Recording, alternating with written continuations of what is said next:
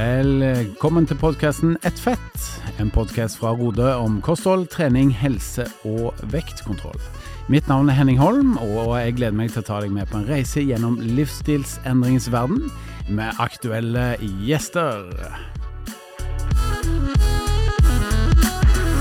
Velkommen til en ny episode. Henning heter jeg, og jeg er på plass som vanlig. Har med meg min eh, hedersgjest, eller hedersvert. Hva foretrekker du? Jeg foretrekker din eneste venn i livet. Min eneste venn i livet, Halvor Lausa! Velkommen!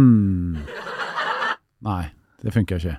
Eller? Svein Erik, er du klar? Jeg er klar, men jeg blir jo litt, jeg blir jo litt sjalu her, da. Hvis han er din eneste venn i livet, da er ikke, da er ikke vi venner, vi da. Ja, Dere er bare kolleger.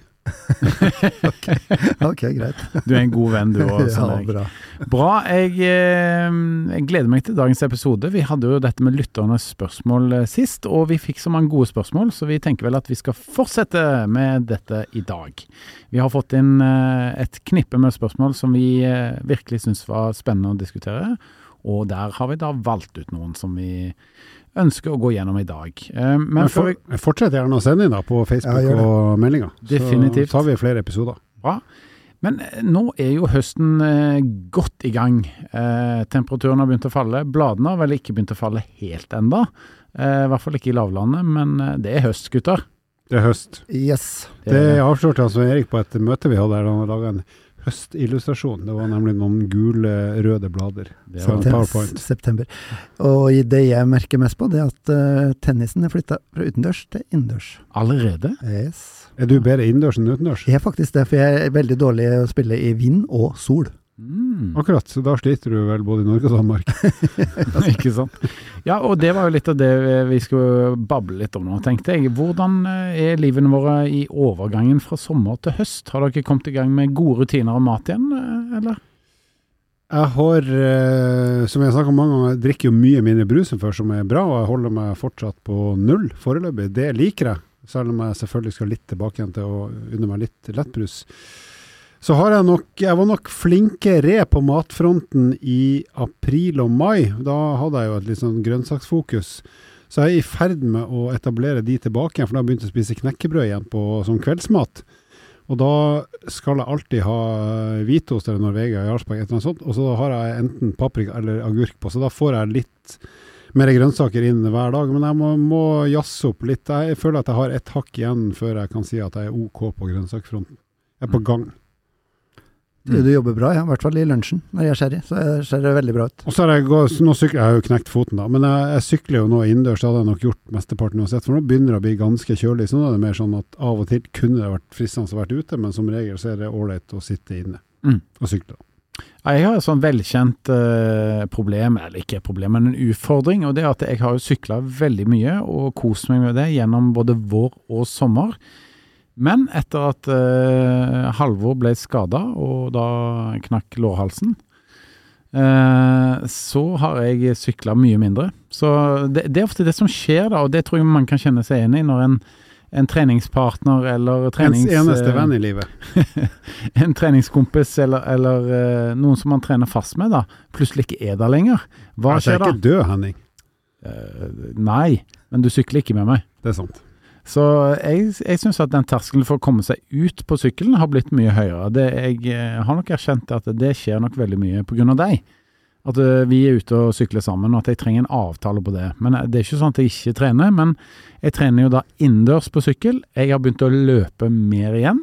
Og så trener jeg styrkefase. Jeg får jo trent, men jeg merker at det her er det en dreining i aktivitetsvalg, da. Jeg blir jo både glad og trist når jeg hører at det har en slik effekt på det. Ikke sant?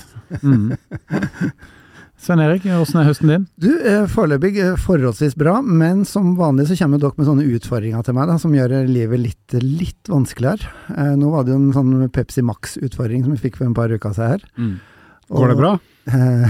Har, det, har den stått urørt den Pepsien du hadde den, i forrige den halvdrukne Pepsi Maxen, den står det fortsatt. Men jeg sniker meg til med noen innimellom. Men det, det, det, mengden har gått ned. Mengden har gått ned. Og så har jeg gjort det veldig lurt, som jeg tror kanskje kan være noe bra for lytterne å høre. En veldig sånn smart triks. Fordi at jeg er ikke så veldig glad i, i rent vann. Altså s- still Du vil heller water. Som det. Nei, en sånn såkalt stillwater, da. Men jeg liker, liker litt sånn boble, boblevann, kan jeg like. Så nå, og jeg har en sånn sodastream hjemme, sånn at nå har jeg begynt å eh, drikke mer vann med da boble i.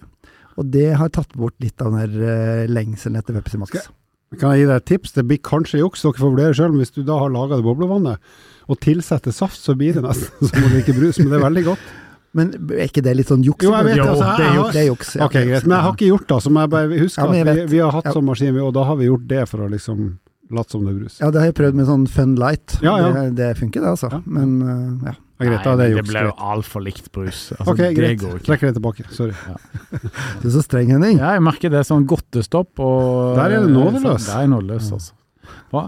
Nei, men eh, hva med mat, eh, Halvor? Eh, der sa jo du litt. eh, men er det flere ting du kan Nei, men nå er vi jo i tralten med at ungene er på skole, iallfall de som går på skole. Sånn der, Mm. Litt kjedelige, men for så vidt også litt hyggelige hverdagsrutiner er der. Så nå er det jo tilbake igjen at jeg lager middag på mandag, og da blir det pasta med kjøttsaus. På tirsdag blir det laks eller ørret. Så vi er jo i gang med et kostholdsopplegg for familien som i sum er mer økonomisk og bedre næringsmessig enn det det er på sommeren. For da blir det, ikke sant, når du er på ferie, så blir det litt av hvert, og så blir det ofte litt enkle løsninger, for vi er jo ikke samla, vi er jo litt overalt, så det blir litt pizza her og der, og litt sånn lurv. Så nå er vi, nå er vi i gang igjen med det som er en ålreit matuke, i hvert fall mandag til og med fredag, og tidvis også lørdag. Jeg må jo si at jeg har nå både godtestopp og jeg har Pepsi Max-stopp. Eh, Så utfordringen min nå blir sånn som eksempel her i går kveld, så plutselig så lagde jeg eh, rista brød, grove brødskiver, altså ordentlig grovt brød med paprika og litt salami på. Og etterpå så hadde jeg så lyst på noe mer, så da lagde jeg yoghurt med musli på toppen, liksom. Og det, jeg hadde jo ikke trengt den siste bolla med yoghurt og musli. Men da, når jeg da kutter disse to andre tingene, så kommer det snikende lyst på noe annet. ja, for da føler jeg at du fortjener det, for du har vært så flink med Pepsi Ikke sant? Ja, ja jeg det skjønner- er jeg skjønner rart med sånne mekanismer, Ja, altså. det, det er helt, helt vanlig. Ja, folk, dette tror du er noe folk kjenner seg igjen i? jeg kjenner meg i hvert fall igjen i det, og jeg tror Mm. veldig mange av våre kunder kjenner seg igjen i det. akkurat Mm. der der. Ikke sant? Men det er jo allikevel sunnere, da. Enn godt og Pepsi Max. Godteri og Pepsi Max. Det er det du da spiste ekstra. Akkurat. Så jeg lurer meg selv litt, da. Men eh, ok, selv om jeg lurer meg, så er valget bedre enn alternativet. Jepp. Yep. Da skal vi bevege oss videre til dagens tema, så etter et lite øyeblikk så går vi i gang med lytterspørsmål del to. Vet du hva du får et Rode-medlemskap?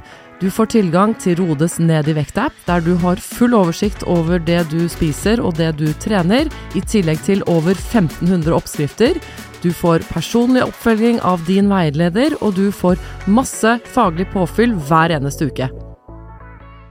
Ja, og akkurat som sist så skal vi gyve løs eh, på første spørsmål rett etter eh, start på, på dagens tema. Og første spørsmål som vi har funnet fram er kvinne på 59 år som eh, beskriver det som følgende, altså hennes liv som følgende. Bom stille etter ferien! Og hun skriver da her Hei, nå er jeg både frustrert og dritlei av at vekta står helt stille etter ferien. Gikk opp et par kilo i sommer, men har spist sunnere og bedre de siste fire ukene, slik jeg gjorde før sommerferien. Men likevel har jeg ikke gått ned ett eneste gram. Jeg tenkte at eh, jeg ville gå ned de to kiloene, gjerne et par til, hvis jeg fant tilbake til kostholdet jeg hadde i vinter og vår, da vekta var stabil. Har dere noen tips eh, til hva jeg kan gjøre annerledes? Ja, vet du hva. Her eh, tror jeg veldig mange kjenner seg igjen i at det er, det er litt, som vi tror vi snakka om med tidligere lytterspørsmål, det er litt vanskelig å komme tilbake til, til rutinene etter en ferie. Og så tror jeg også det er veldig vanlig at uh, det her når, når kiloen eh, går litt opp, så det, kjennes det ut som at det er vanskelig å, å få de av igjen. Så det at man er bom stille etter, etter ferien, er, er, det er no, mange, mange som eh, sliter med det. Ja, det er mange som kjenner seg igjen i dette tror jeg. Jeg, jeg har kjent på det sjøl, jeg. Jeg har møtt der- på flere sjeler, både på fotballbanen og på familiemiddag og alt mulig, som, som snakker om dette her. Ikke sant? Og det handler litt om at uh, kroppen har vent seg litt til det man har spist i ferien. Og da tar det, for, for noen, det her er jo store for, individuelle forskjeller, men det tar det litt tid før liksom kroppen eh, responderer på den endringen som hun tydeligvis har gjort. Da, for hun skriver det som er bra, da. at hun skriver at hun har spist sunnere og bedre de siste fire ukene. Så det tenker jeg at uh, i det tilfellet her, så vil jeg liksom gi henne kreditt for det. det. det. er supert at du har klart det, og så må du bare være litt tålmodig. Uh, med, å, med, at uh, kroppen responderer. Men det som hun ikke snakker noe om, det er fysisk aktivitet. Jeg mistenker kanskje at du har vært litt lite fysisk aktiv i, i, på sommeren. Og så er spørsmålet hvordan har, har vært nå i de siste, siste, fire ukene. Så hvis du liksom øker litt aktiviteten, så kan det hende at kiloene slipper litt raskere. Så kan vi ikke si til henne, eller det gjør jeg jo nå, at hvis du er usikker på hvor mye du gikk før sommeren, så vær helt sikker på at du går mer nå. Mm. Så hvis du tipper at du gikk 5000-7000 skritt, så prøv å gå 9000, da. Altså ta i litt mer legg, legg, inn litt mer eh, gangebevegelse daglig, så du er helt sikker på at du i hvert fall gjør mer enn du sannsynligvis gjorde før sommeren. Men Svein Erik, kickstart, det er jo noe som, som du snakker om ja. av og til. Ja. Hadde det ikke vært liksom For jeg tenker her nå, hvis du God gjør det samme som du gjorde før, og det funker egentlig greit, men du ønsker noe mer. Ja. Hva med liksom å uppe gamet, da, for ja. å snakke litt ungdomslig her? Ja. ja. nå er du god, Henning. Altså, igjen, for en kortere periode. Ja, ja, Ikke sant? Bare, bare liksom fra kickstart komme i gang, få løsna litt. Ja. Kickstart det handler jo da om at du skal spise enda litt mindre. Ikke sant? 1000 kalorier uh, en liten periode, til du liksom kommer tilbake. Og det er veldig, altså, Hvorfor tenkte ikke jeg på det i stad? Det er jo helt, uh, helt innlysende at en dame her burde uh, teste ut det to-tre uker. Så er det i hvert fall det, den, de to kiloene har gått opp i sommerferien, de raser fort av med en litt sånn tøff Ja, for dette har du hjulpet folk med ja, før. Kan du fortelle litt om ja, La oss si tre uker, da. Hun skal jo, gjøre det litt tøffere nå. Se for deg hun her dama, hun kommer til deg. Eh, hun stikker ja. innom deg i overmorgen, og så har hun presentert problemet sitt, eller ja. utfordringa ønsket sitt. og og Hva sier du til henne da? da sier jeg at da, da, har du muligheten til å teste kickstart hvis du ikke har gjort det før. Og det er rett og slett da, da eh, skal man legge seg på et kaloriinntak på 1000 kalorier, og det er helt uavhengig av eh, daglig energibehov i utgangspunktet. 1000 kalorier er veldig lett å forholde seg til. Eh, jeg vil anbefale da at man eh, bruker den her Ned i vekt-appen vår, for den er veldig fint å eh, beregne de antall kaloriene. Så er det om å gjøre å prøve liksom å spise regelmessig. Hun sier jo allerede at de spiser sunt og regelmessig, men spiser antagelig bitte litt for mye. Uh, og da er det smart å være nøye med mengde. Da. Klart 1000 kalorier er jo ikke mye mat, men hvis du spiser riktig, så det, kan du fint uh, leve på det. Og da, typiske matvarer eller måltid som fungerer godt på såpass få kalorier? Ja, jeg, altså veldig mye grønnsaker, da. Det er jo liksom grønnsaker, grønnsaker, grønnsaker er jo liksom uh, stand, gullstandarden her. Og da får du i deg også masse næring samtidig, sant. Så litt grønnsaker, i hvert fall til de hovedmåltidene, og i hvert fall lunsj og middag. Så er det jo noen som nå også da tester ut det å, å f.eks. kutte ut frokosten. Spise, enten spise litt senere frokost, eller eller sånn, og Det kan også være smart når du har såpass lite kalorier å gå på. Og så er det ofte en del knekkebrød i denne menyen òg, er det ikke det? Det kan det være. Altså mm. Du har jo også en egen, noe som også er litt sånn sammenlignbar, som man kaller knekkebrødkuren. Da spiser du bare knekkebrød, 1000 kalorier bare knekkebrød. Uh, men vi anbefaler egentlig litt mer variert kosthold enn bare knekkebrød. da. Mm. Men hvis du finner et knekkebrød som er magert i seg sjøl, og, og, og, rett og slett ganske tynt, ja. som det finnes flere av, så, så, er jo det en ypperlig anledning til å faktisk kunne oppleve at du spiser relativt mye mat med godt pålegg, magert pålegg. Som gjør at den opplevelsen at jeg spiser veldig lite, forsvinner litt. Da. Ja, for det var det jeg skulle frem til. at uh, Hvis du da spiser en god del grønnsaker, sånn som du er inne på her, og du spiser en del knekkebrød og liksom er smart på de ulike måltidene, så oppleves det jo gjerne som mer mat enn hva 1000 kalorier høres ut som. Absolutt. Eh, du kan få ganske store både tallerkenporsjoner og annet ved å spise riktig. Men en annen veldig viktig ting når du skal spise såpass lite, ha et såpass lavt eh, inntak av kalorier, det er at du bør gjøre to ting. Du bør ta eh, omega-3-tilskudd og eh, et multivitamintilskudd. Og Det er bare på det sikre sida at du får i deg alle de vitaminene og sånn som kroppen trenger. I hvert fall hvis du skal gå over litt lengre tid. Mm. Men hvis det er bare en to-tre to, uker, så, så, må man ikke det. Men vi anbefaler det likevel. Veldig bra. Da håper jeg at uh, det var noen gode tips her for å, løse utfordringen med bom stille etter ferien, som spørsmålet Eh, ble, ble kalt, da. Eh, Halvor, kan ikke du ta det neste spørsmålet, for det er du som har fått inn dette spørsmålet fra en mann på 48 år. Altså, jeg skal lese det høyt? Mm, mm. Ja. Da blir det en blanding av bokmål og dialekt. Det er da spørsmål som vi har kalt Prosjekt julaften fra mann 48 år. Hei, her er mitt prosjekt julaften. Ned 10 kilo. Jeg er 184 cm høy, veier 110 kilo og vil ned til 100 kg. Har blitt veldig inspirert av Svein Eriks prosjekt, så vil gjerne høre hva han tror kan passe for meg. Jeg har lyst til å være mer aktiv og trene et par ganger i uka for å komme i bedre form, ikke bare kutte i maten. Bruker appen Ned i vekt, og den forteller meg at nå før start ligger jeg på ca. 2900 kalorier per dag, altså i næringsinntak eller kaloriinntak. Litt dårlig kostskår, akkurat som Halvor er jeg ikke så veldig glad i grønt, det, det tar den, og ligger på ca. 6000 skritt per dag. Spiser ofte mesteparten av maten på ettermiddag og kveld, men da kan det bli veldig mye så jeg er stappmett når jeg legger meg. Har ganske fleksibel jobb, kan ha mye hjemmekontor, så har muligens eh, eller har mulighet til å styre tiden min på dagtid i stor grad selv. På morgen og ettermiddag er det mye mas med unger som skal hit og dit, men ellers fleksibel. Kan dere lage noen konkrete punkter som kan fungere for mitt prosjekt? Å, dette her var jo midt i gata for deg, Svein Erik. Eh, og så må jeg si at det er morsomt, da, er det ikke det, når han er inspirert av prosjektet ditt? Absolutt, og jeg kjenner meg jo veldig igjen i Om vi starter omtrent på samme ja, har, du har blitt sånn livsstilskjendis, du ja, unge mann. Ja, det vet jeg ikke, men i hvert fall Det er veldig mye her som er gjenkjennelig for både meg sjøl, men også for veldig mange av kundene våre, da.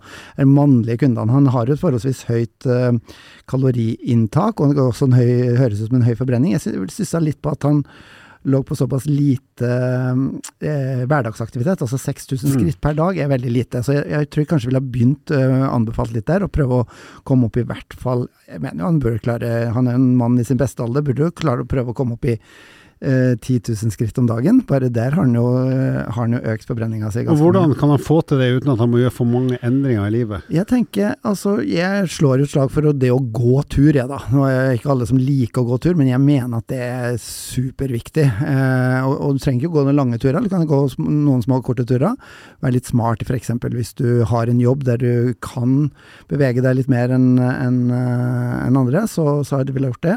Eller ta en liten sånn kveldstur, da. Eh, hvis man har tida til det. Ja, for det ser jo ut, Han skriver jo at han, det er mye mas med unger som skal hit og dit, så på morgenen så er det sannsynligvis ikke tid, men Nei. kanskje på ettermiddagen når han har levert ungene til en eller annen trening eller korpsøving eller hva Ja. vet er, så kan han eh, kanskje istedenfor å sitte stille og vente eller dra og kjøre hjem, så kanskje han skal bruke tida til å gå. Helt klart, og da tenker jeg også, Han skriver også der at han ofte spiser veldig mye på kvelden, eh, og blir litt sånn stappmett. Istedenfor å sette seg ned og spise, spise mye og bli stappmett, altså gå seg en tur. da.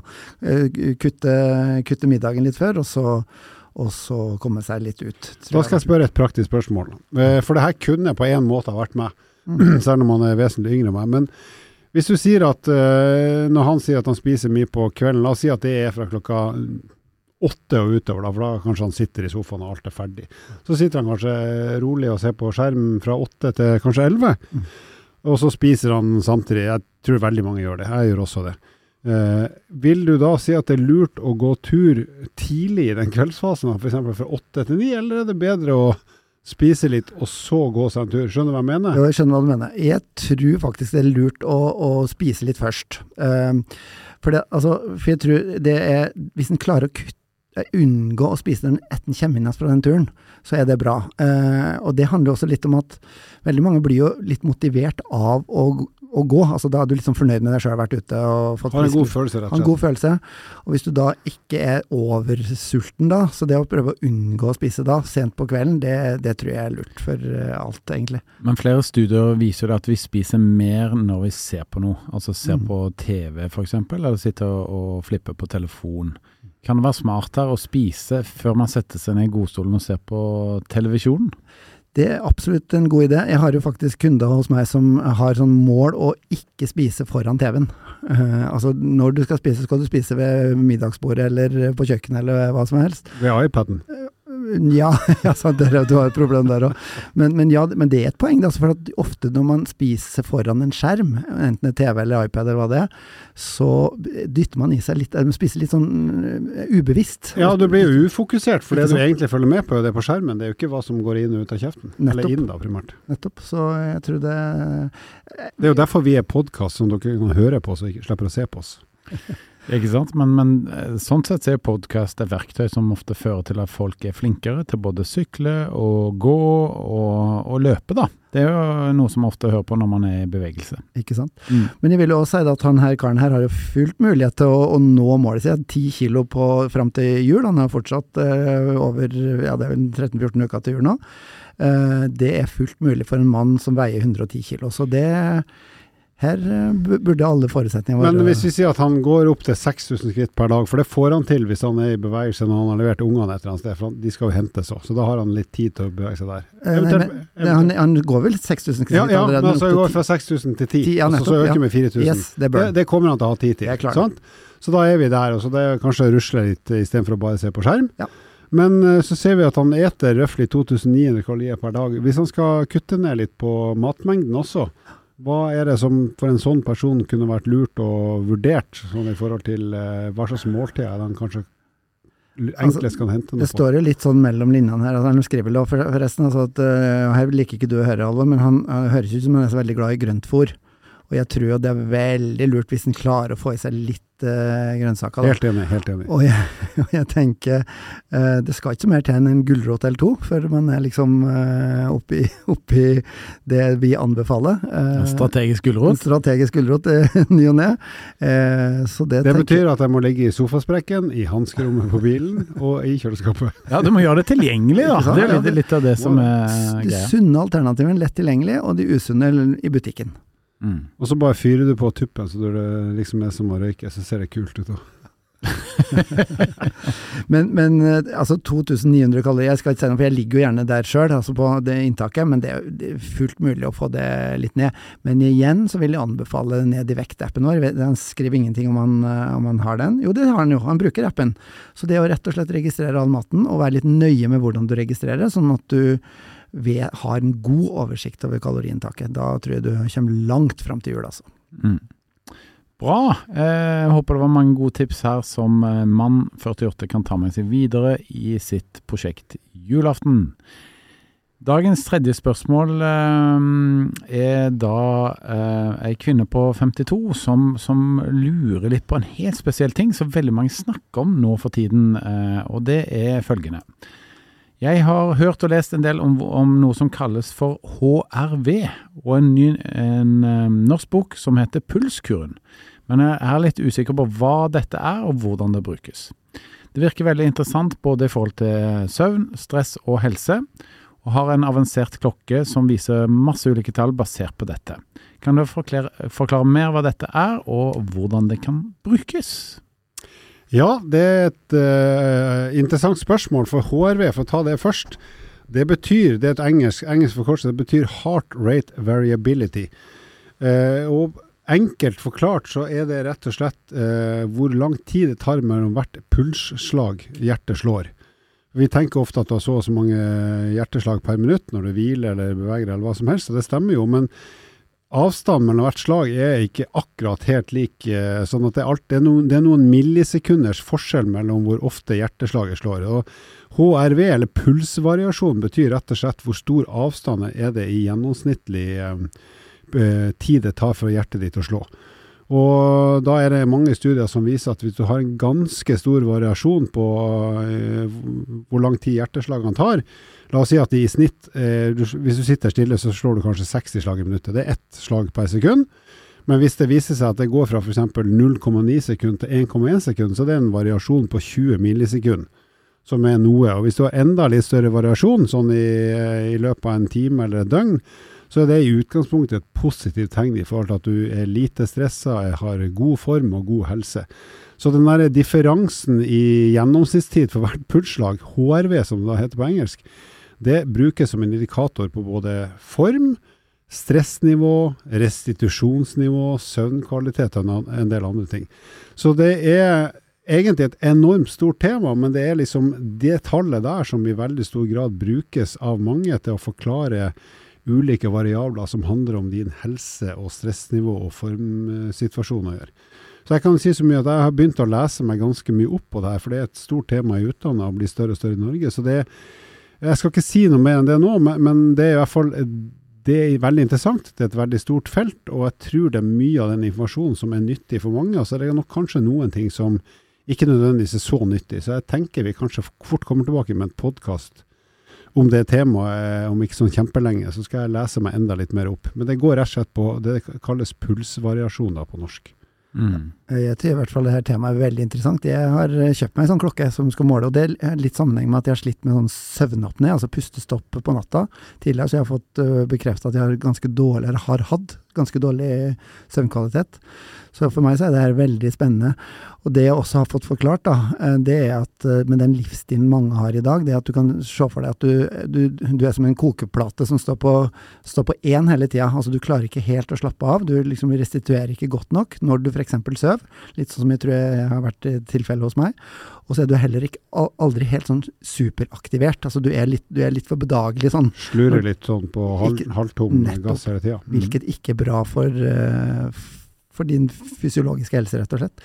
Så jeg syns det er kjempespennende, Halvor. Så jeg håper virkelig at vi at og ja, jeg skal jo følge litt med. Vi skal jo følge litt dine ja. tall, for det er interessant. For, ja. for, vi vet jo mye om deg, også fysisk. Ja.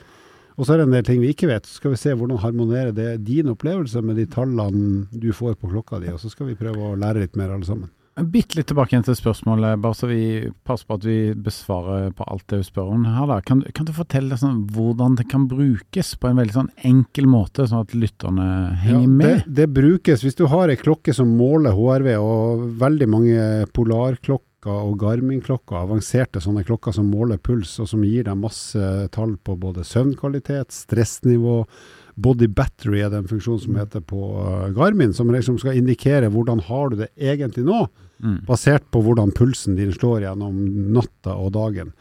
Så eh, hvis, vi, hvis, vi, stoler på de tallene, og som sagt, jeg tror vi kan tenke at mange av de tallene gir gode, gode svar, så jeg er ikke sikker på om alle tall er like pålitelige. For det er, jeg tror det er begrensninger på hvor mye kan du lese ut av pulsen.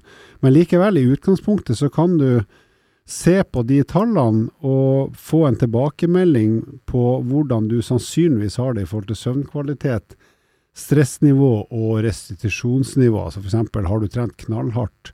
I dag så kan det hende at klokka sier at du må vente i 48 timer før neste trening, og så kan det hende at det er kanskje litt mye, men det kan være interessant å prøve å følge anvisningene du får fra de klokkene, for å se fungerer jeg bedre når jeg gjør det her, eller fungerer jeg dårligere, eller er det bare annerledes? Men altså prøv å ha et bevisst forhold til hvordan syns du sjøl at du har det i forhold til søvn, stressnivå, restitusjon, fysisk form, og hva forteller klokka deg? Er det i harmoni? sånn at Det klokka viser og forteller deg stemmer med din egen opplevelse, så ville jeg tenkt at da gir det meningsfull informasjon. Hvis klokka forteller deg noe helt annet enn du sjøl opplever og har opplevd over tid, så kanskje det er grunn til å vurdere om kanskje ikke klokka har helt rett, og vice versa. Eller kanskje klokka har helt rett, og så tar du feil for at du overser noe eller ikke ønsker å se noe.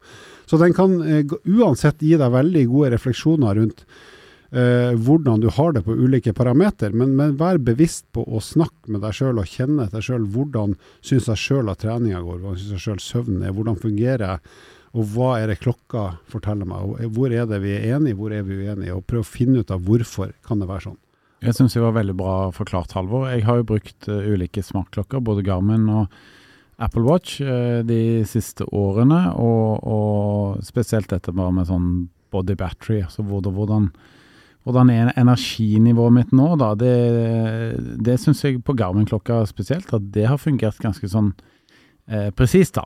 Eh, så den sier liksom at ok, nå er du faktisk ganske sliten og stressa, du har sovet dårlig et par dager. Kanskje jeg hadde to øl i går kveld f.eks., og trente hardt i tillegg. Kanskje litt utpå kvelden, ikke sant. Eh, som påvirker kanskje søvnen min litt negativt. Så det handler jo litt sånn om eh, energinivå og f.eks. Et, et bilde på både form og restitusjon osv. Så, videre. så det finnes en del sånn data her data. Eh, som du kan tolke, og, men lytt gjerne òg til, eh, til, hvordan du opplever selv at du har det.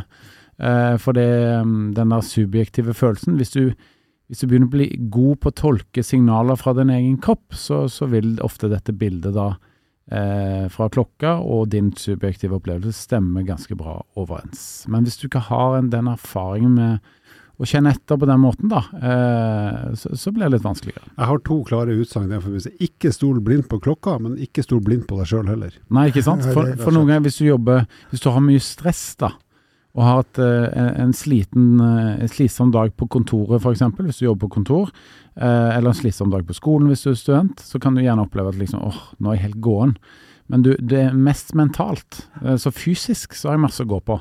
Og prakteksempelet da, er at hvis du tar deg en tur på treningssenter, eller en løpetur, eller en lang gåtur, og så føler du kjempebra energisk etterpå, så er det egentlig bare sånn at du har vært litt sånn sliten i hodet. Veldig enig med alt det dere. Og det som jeg syns er interessant med denne teorien her, eller den uh, forskninga på det her feltet her, er at det virker som at det er veldig individuelt. Altså folk øh, øh, responderer forskjellig på ulike typer stressmomenter. Da. Ta eksempelet det med å lese en bok på kvelden, er jo noen som syns er veldig avslappende. Mm. Mens andre da, som kanskje ikke eh, som, ja, kanskje har litt uh, lese- og skrivevansker, de, de vil bli stressa av det. Mens motsatt på uh, bilkjøring f.eks. Noen blir jo veldig stressa av å kjøre bil, andre syns det er veldig avslappende å kjøre bil. Sånn at vi er veldig forskjellige som personer da, og, og responderer forskjellig på de tingene der. Jeg må faktisk si at når jeg er flink til å trene intervalltrening eh, to ganger i uka, så ser jeg at hvilepulsen min synker gjerne bitte, bitte litt. Og det er ferskvare, altså. Så to uker uten å gjøre det, og heller bare slure litt rundt på sånn mellomhard og lett trening, så stiger han litt oppover. Det vi kan si med stor, stor sikkerhet etter å ha lest veldig mye litteratur, det er at generelt jo bedre kondisjon du har, jo bedre HRV-verdier vil du ha, for du tåler rett og slett mer. For at du har en god fysiologi, du har god kondisjon. Så Så jeg du blir merker rett og slett mer på, robust. jeg må si jeg merker på engasjement i gruppa her nå, at dette var et spørsmål vi likte å få, altså. Her er veldig spennende. Meget bra kvinne 52 år. Yes. Yes. Meget bra. Eller bra. hva er det du sier? Veldig bra. Herlig. Med det så skal vi bevege oss inn på dagens uh, fun fact, og eh, de pleier å være ofte veldig interessante, og dagens er vel intet unntak, regner med. Takk for det. Nei, vet dere hva? Eh, litt inn i dyreverden. Eh, vet dere hva? Vi smaker jo mat og annet Pepsi Max og sånn med munnen, gjør vi ikke det? Tunge og Med tunga. Ja. Vet dere hva sommerfugler bruker til å smake med? Dere må jo bare svare nei, ikke sant? Har Har, de smakssans i det hele tatt, tenker jeg. Ikke sant? De har, de, De har bruk- god smak. de har god smak. De bruker bakbeina. Av Hæ? alle ting. Så de har, altså Sommerfugler har bakbein som er dekka med små smaksløker, som vi da ellers har inni kjeften. Eh, eller på tunga. Så det gjør at de kan smake på noe, rett og slett bare ved å stå på det. Stå og trykke på det. Så sånn løser sommerfuglene det. Vet du hva, det å sette seg på bakbeina nå, det fikk eh, ny kontekst. Og så må jeg jo si, det er jo fint at vi mennesker ikke skal stå og trø på maten før vi eventuelt Ja, spiser det den. Det hadde blitt lite delikat. Det er greit hvis du driver med sånn vinproduksjon og sånn, da. sånn. Hvis du eter Grandiosa, som jeg gjør litt for ofte, så hadde det blitt ganske triste saker. For da hadde, hadde osten blitt hengende igjen på eh, føttene mine, og det vil vi ikke. Hvor finner du alle disse fun factene? Ja, det det det må jeg si, altså. På verdens største nett, folkens. Verdens største nett. Med det sagt så ønsker jeg å takke for veldig gode spørsmål til disse to episodene som vi har hatt, eh, som har da dekka lytternes spørsmål. Eh, fortsett å sende inn, og så kommer vi tilbake til, eh, til dere med et ja, nytt og planlagt tema. Men det skal ikke være så lenge før vi kommer tilbake med lytternes spørsmål igjen. Og i tilfelle julaften har passert, og ditt prosjekt er avslutta, så kan vi si god påske. Eller god sommer? Eller som du ville sagt, Veldig bra.